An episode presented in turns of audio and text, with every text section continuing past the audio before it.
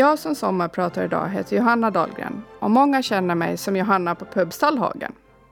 Jag är en person som brinner för vår landsbygd och det lokala, om ett levande samhälle där vi stöttar varandra. Har vi det samhälle så kommer vi att gå långt, det är jag alldeles övertygad om. Det här sommarpratet kommer att handla om min resa inom restaurangbranschen. Från Degerby Café 1990 till det konstiga året 2020 och var vi är idag 2021.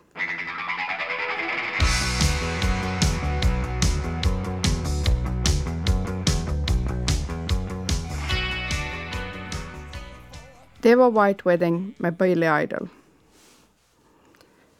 Jag är uppvuxen i en matfamilj. Alla har på något sätt haft att göra med mat eller matlagning. Jakt, fiske, plocka bär, svamp, ta upp potatis, dricka färsk mjölk hos mamma och morfar. Ja, maten har alltid varit nära och en viktig del för mig. Det är ju också det som har lagt grunden för var jag är idag. Det var ju till början ganska omedvetet, men nu märker jag att det är en ganska medveten sak. Att jag vill fortfarande att alla ska ha tillgång till den färska maten, den bra maten som vi har här hos oss. Min pappa, han arbetade som kocksteward på långfart och kom ofta hem med spännande idéer. Och kanske lite knasiga idéer. Jag minns när han lagade ceviche på torsk på 80-talet, då när man fiskar väldigt mycket torsk. Det var ju jättekonstigt. Skulle vi äta rå fisk som var liksom, hade bara legat i lime? Var det okej okay att äta det eller skulle man bli sjuk? Det är sådana små händelser som har påverkat mig. Man ska inte vara rädd för det som kommer, man ska bara testa. Något som jag också funderar över många gånger, det var hur mormor, som var en bondmora, alltid kunde trolla fram mat. Det spelar liksom ingen roll hur många som kom till middagsbordet. Var vi två? Var vi fem? Var vi tio? Var vi tolv? Det fanns alltid mat. Hon plockade fram något ur skåpet och så var vi alla mätta när vi gick därifrån. Gott var det och alla var glada. Nu ska vi lyssna på This is my life med Gasoline.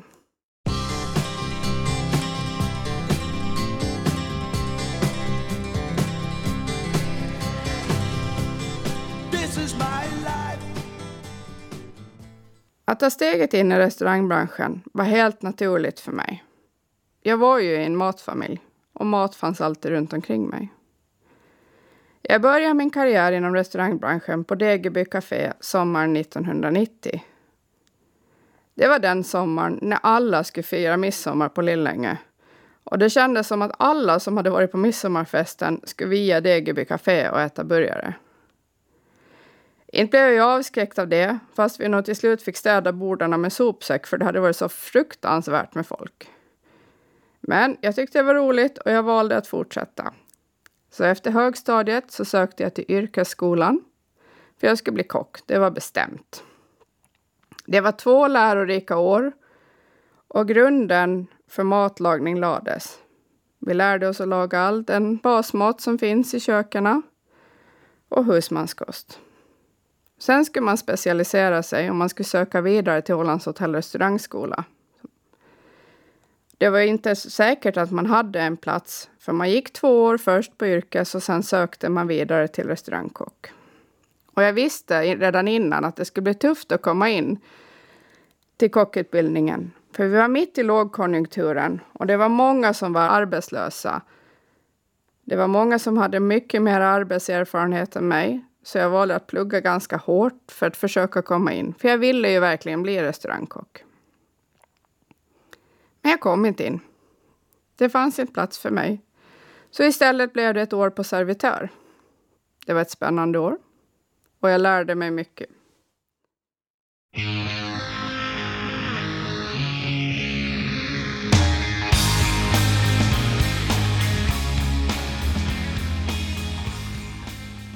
Det var blå jeans med Kent. När jag var färdigutbildad på Ålands hotell och restaurangskola 1994, då fanns det inte heller många jobb på Åland för en ung och oerfaren tjej. Läget var ganska lika som det var den senaste vintern.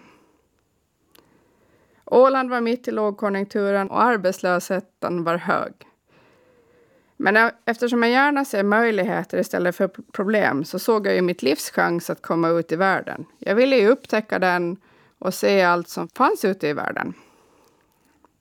Jag jobbade hårt hela sommaren för att få ihop pengar till en resa. Och när jag styrde resan till Sydostasien, det var ju spännande och lockande. Jag packade ryggsäcken och for iväg. Det blev Thailand, Malaysia, Singapore, Indonesien. Allt med ryggsäcken på ryggen. Det här var ju en annorlunda tid att resa, för man reste utan mobiltelefon. Man reste riktigt utan internet. Så man köpte en gammal begagnad Lonely Planet i Bangkok när vi landade. Hittade resrutter och boende på det viset. Ringde hem en gång i veckan för att berätta att allt var okej. Okay. Och det gjorde man ju om man hittade ett ställe som sålde long distance call. Och så skulle det ju vara så att mamma skulle vara hemma och svara när jag ringde. För man ringde ju till hemtelefonen. Det fanns ju ingen mobiltelefon att ringa till. I dagens läge så känns ju det helt knasigt. Att världen var så stor och icke uppkopplad då. Det var ju 1994, inte på 1800-talet. Efter resan till Sydostasien så åkte jag hem, packade om ryggsäcken. Det var inget bättre läge med jobb på den tiden. Så jag styrde kosan till Indien och Calcutta för ett volontäruppdrag. Den resan, det är en resa som präglat mig väldigt mycket. Det är också kanske min värsta resa. Men jag lärde mig otroligt mycket på den resan, på många plan. Lärde mig tacksamhet, lärde mig förståelse för kulturer och religioner. Jag lärde mig hur mycket vi är påverkade av den omgivning vi lever i och vilken otroligt kristen omgivning vi lever i, fast vi kanske inte tror det. Och jag kände stor hjälplöshet över att jag inte kunde hjälpa alla som fanns omkring där.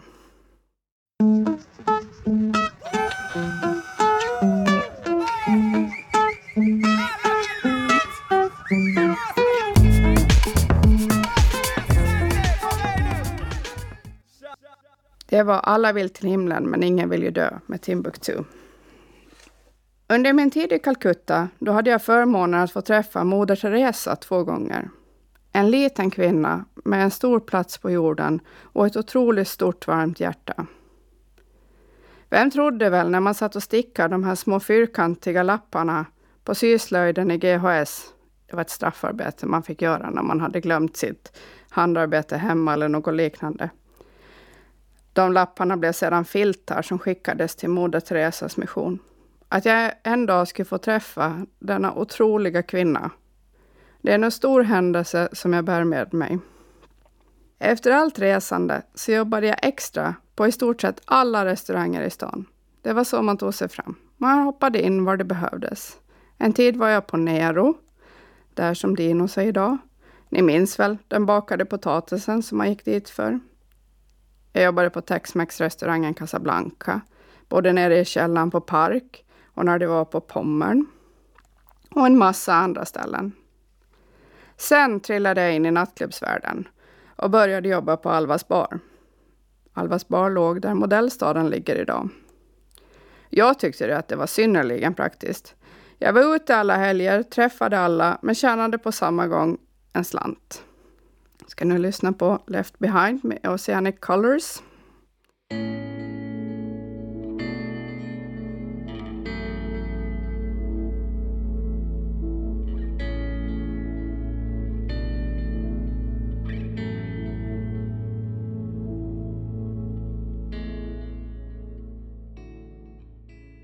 I många år var jag Alvas Johanna för många. Alvas bar, nattklubben och rockpuben. Stället där alla var på varje helg. Det kära stället kanske du känner igen som Sabina eller Medley.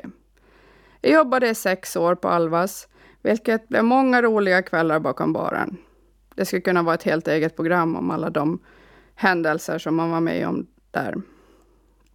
Min plats var nästan alltid bakom baren i rockpuben och jag tror nog att vi är många som saknar puben. Den svettiga, röjiga, rockiga miljön. Trångt och stimmigt. Något som känns extra konstigt i dessa tider som vi lever just nu. Det finns en låt som fick hela puben att gunga i takt. Skomakarlamporna i taket och runt baren att svinga. Och för att inte tala om alla luftgitarrer som plockades fram. Och jag kan nog gissa att ett och annat ackord på luftgitarren tas även idag.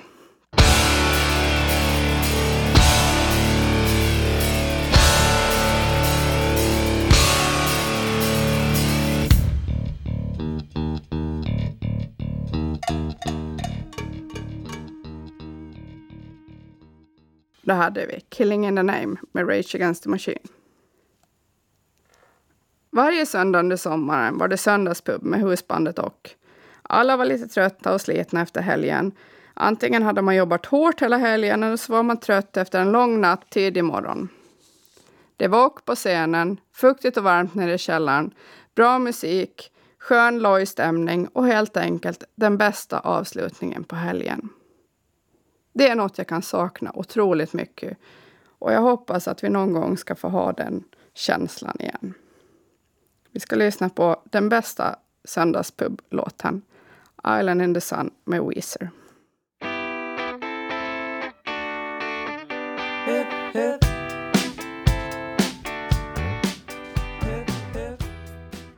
Nätterna slet på kroppen och jag beslöt att det var dags att göra något annat. Det var ganska svårt. Det var lite som att lämna bort mitt barn på dagis. Jag hade ju haft en lång tid med Alvas. Men jag kände jag behövde göra något, annars skulle det inte gå. Som på ett bananskal så hamnade jag in i hotellbranschen. Jag märkte att det ofta blir så att jag halkar in på saker och ting. liksom, när det känns bra, ja men då hoppar jag på. Jag skulle en dag in och kolla kassorna i restaurangen på det här hotellet.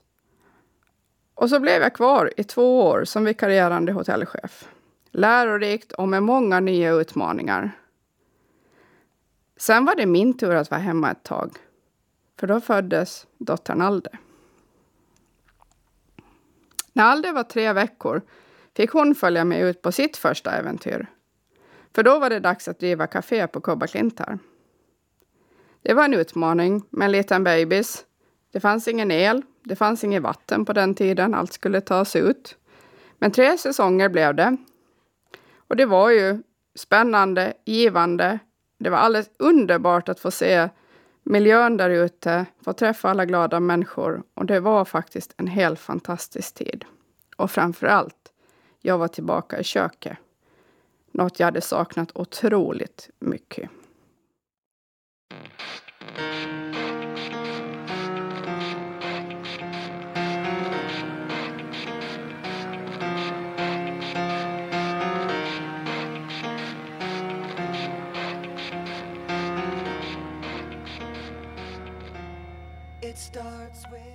In the End med Linkin Park.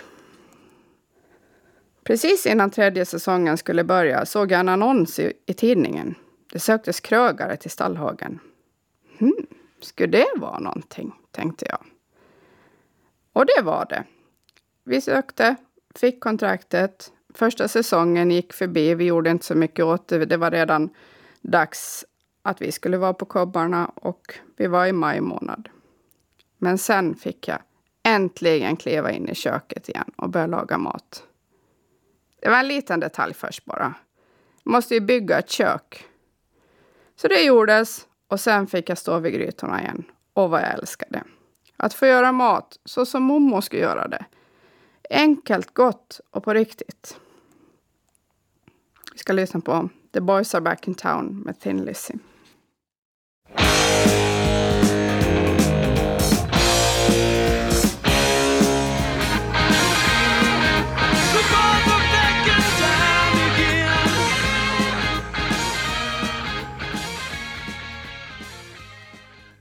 Men livet har sina vändningar. Det är som en berg och dalbana. Det är bara att dra ner säkerhetsbågen och åka med. Vissa delar av åkturen erbjuder mer än vad man kan, tror att man kan klara av. Loopar och läskiga avsnitt som utmanar en på alla sätt och vis. Men när vi ändå åker i vagnen så det bara att passa på att njuta av åkturen så gott det går. För att hoppa, ja det finns ju inte på världskartan. Bueno, bueno que Sí, me alegro. Tanto. Oye, no te puedes perder este grupo. ¿Has, has escuchado a Peter? Sí, sí, sí, lo ubico, sí. ¿Y a Yanai también? Sí. Bueno, es tan buenísimo esto. Såklart med Petter. I januari 2017 fick jag ett besked som på många vis har förändrat mitt liv. Jag fick besked att jag har livmoderhalscancer. Dagen då jag fick beskedet så kändes det som jag åkte fritt fall istället för berg och dalbanan. Tankarna svischade förbi. Alltså, jag har cancer. Vad ska hända nu? Hur kommer jag må? Vad kommer hända med företaget? Vad kommer hända med min familj? Vad kommer alla runt omkring mig att säga när jag berättar att jag har cancer? Frågorna var betydligt många fler än svaren. Jag bestämde mig, det är bara att ta sig igenom det här. Jag sitter i vagnen och det är bara att åka med i berg Cancer är så svårt, för alla drabbas olika. Så att få svar på alla frågor som jag hade var en omöjlighet. Jag är ju den som gärna söker svar på mitt varför. Varför är det så här? Men det gick inte i det här läget. Det var bara att hitta en väg för att ta sig framåt och följa med, för jag kunde inte påverka det här. Så dra ner säkerhetsbågen i livets berg och åka med. Det var det jag fick göra. Det blev fem intensiva månader med operation, strålning, cytostatika och mycket reflektion. För det fanns tid. När jag tänker tillbaka på de fem intensivaste behandlingsmånaderna så känns det som att jag väntade i fem månader. Jag väntade på provsvar. Jag satt i väntrum. Jag satt och väntade på flyget på flygplatsen. Jag satt och väntade på att illamående skulle gå över. Och det var ett evigt väntande. Och nu väntar jag också. Nu väntar jag på att jag ska bli friskförklarad. Jag mår idag fantastiskt bra, men jag är inte frisk ännu och jag närmar mig slutet på den här åkturen.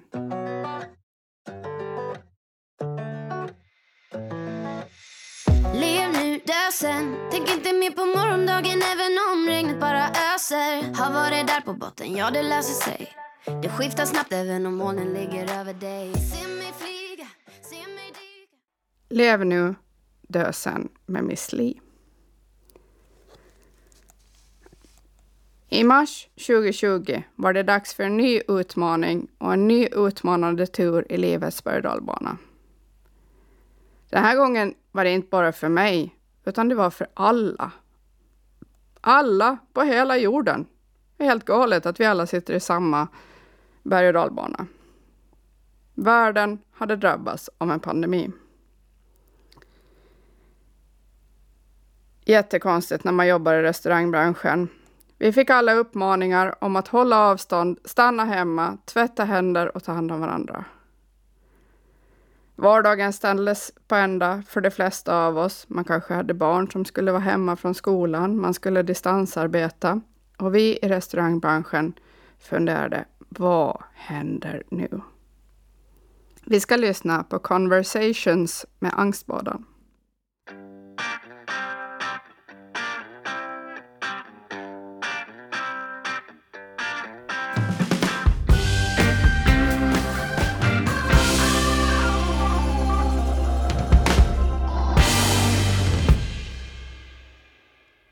Som krögare så blev allt väldigt märkligt väldigt snabbt.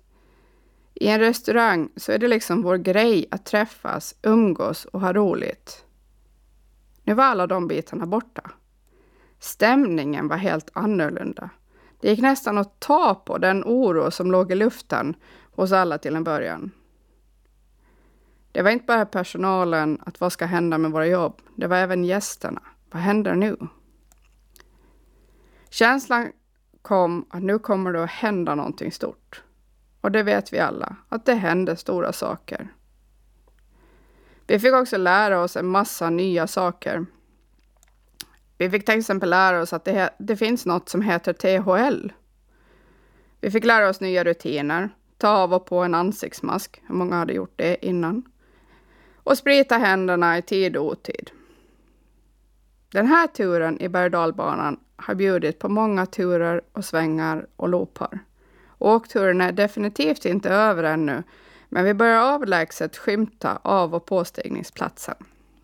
Vi ska lyssna på en låt som jag har lyssnat på väldigt många gånger de senaste ett och ett halvt åren och är lite, något som jag ser fram emot. Det är en av de saker som har flyttats framåt flera, flera, flera gånger och det är en konsert jag ska gå på. Vi ska lyssna på Du hast med Rammstein.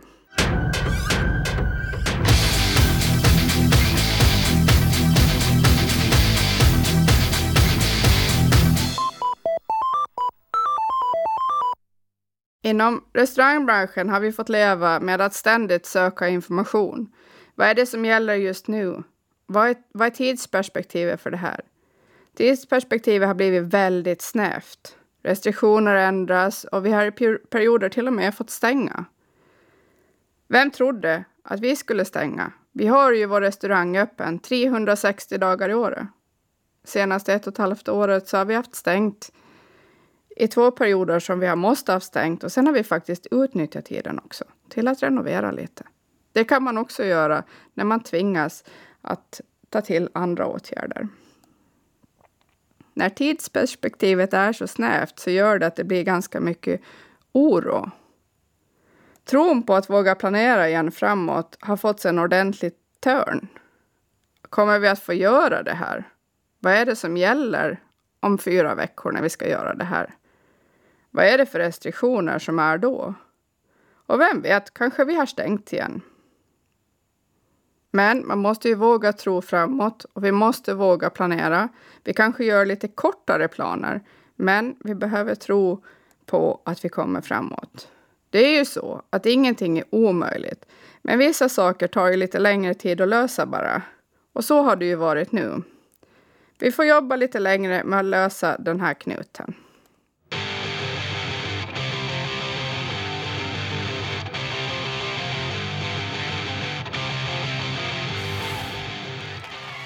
I rather drink than talk med Sator. Jag har för min egen del märkt att allt detta planerande för saker som inte blir av eller när man tvingas tänka om för att förutsättningarna ändras helt eller helt och hållet har varit väldigt slitsamt. Och det är ju på ett vis bra, för det visar för mig hur viktigt det är att ha ett mål och få genomföra saker och sedan att få jobba framåt med en plan. Under de senaste ett och ett halvt åren så har målet flyttat på sig många gånger. Kartan har ritats om otaliga gånger. Men jag tror att vår envishet som öbor kommer att hjälpa oss i dessa tider. För så, så många gånger så har vi tidigare i historien fått lära oss och acceptera andra saker, att det blir förändringar. Det kan vara allt från en storm som man kan, inte kan fara iväg med båten till att det händer något annat som gör att vi måste anpassa oss. Och det kommer vi att göra den här gången också. Som det har sagt så många gånger, vi ställer inte in, vi ställer om. Och det har restaurangbranschen definitivt fått göra under denna period. Vi har fått hitta nya lösningar och nya möjligheter. Vi ska lyssna på Talking to Cats med Kim Dalle.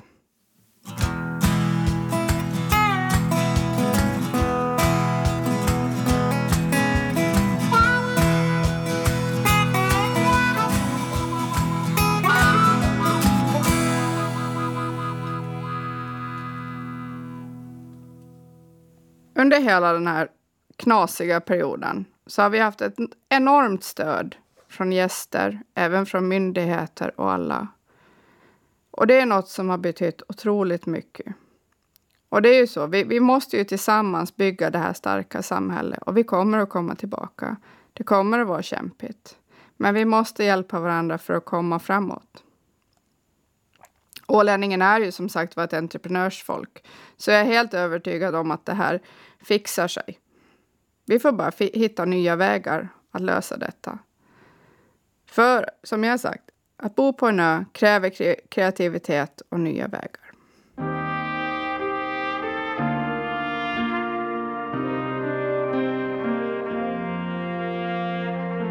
Där borta vid pilen har jag lagt min far. En anonym... Jag och min far med Magnus Uggla. Det är ju inte alltid kanske positivt med kreativitet heller. För restaurangbranschen märker nu tydligt av denna kreativitet. För många som har jobbat inom den här branschen har nu bytt bransch till mera pandemisäkra och stabilare arbeten. Och det är ett av de stora arbetena som vi kommer att ha efter den här pandemin. Det är att få jobba med att få tillbaks personalen till restaurangbranschen. Vi behöver få restaurangbranschen mer hållbarare och mer stabilare. Och jag tror vi kommer att få se en tillväxt i denna fantastiska bransch.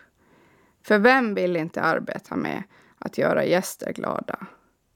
Finns det något bättre än att få ett glittrigt leende tillbaka? Det fyller på det konto som haft stora leenden den senaste tiden. Och jag tror att vi snart kommer att se slutet på den här berg och dalbaneresan. Och vi kommer snart att kanske få sitta ner och åka en lugn karusell istället. Vi ska få lyssna på en låt där vi ska byta ut lite ord. Istället för lok så ska vi säga vi. Och istället för andra faller så ska vi säga när pandemin faller. Jag tackar er för att ni har lyssnat på mig under detta sommarprat. Jag som pratar heter Johanna Dahlgren.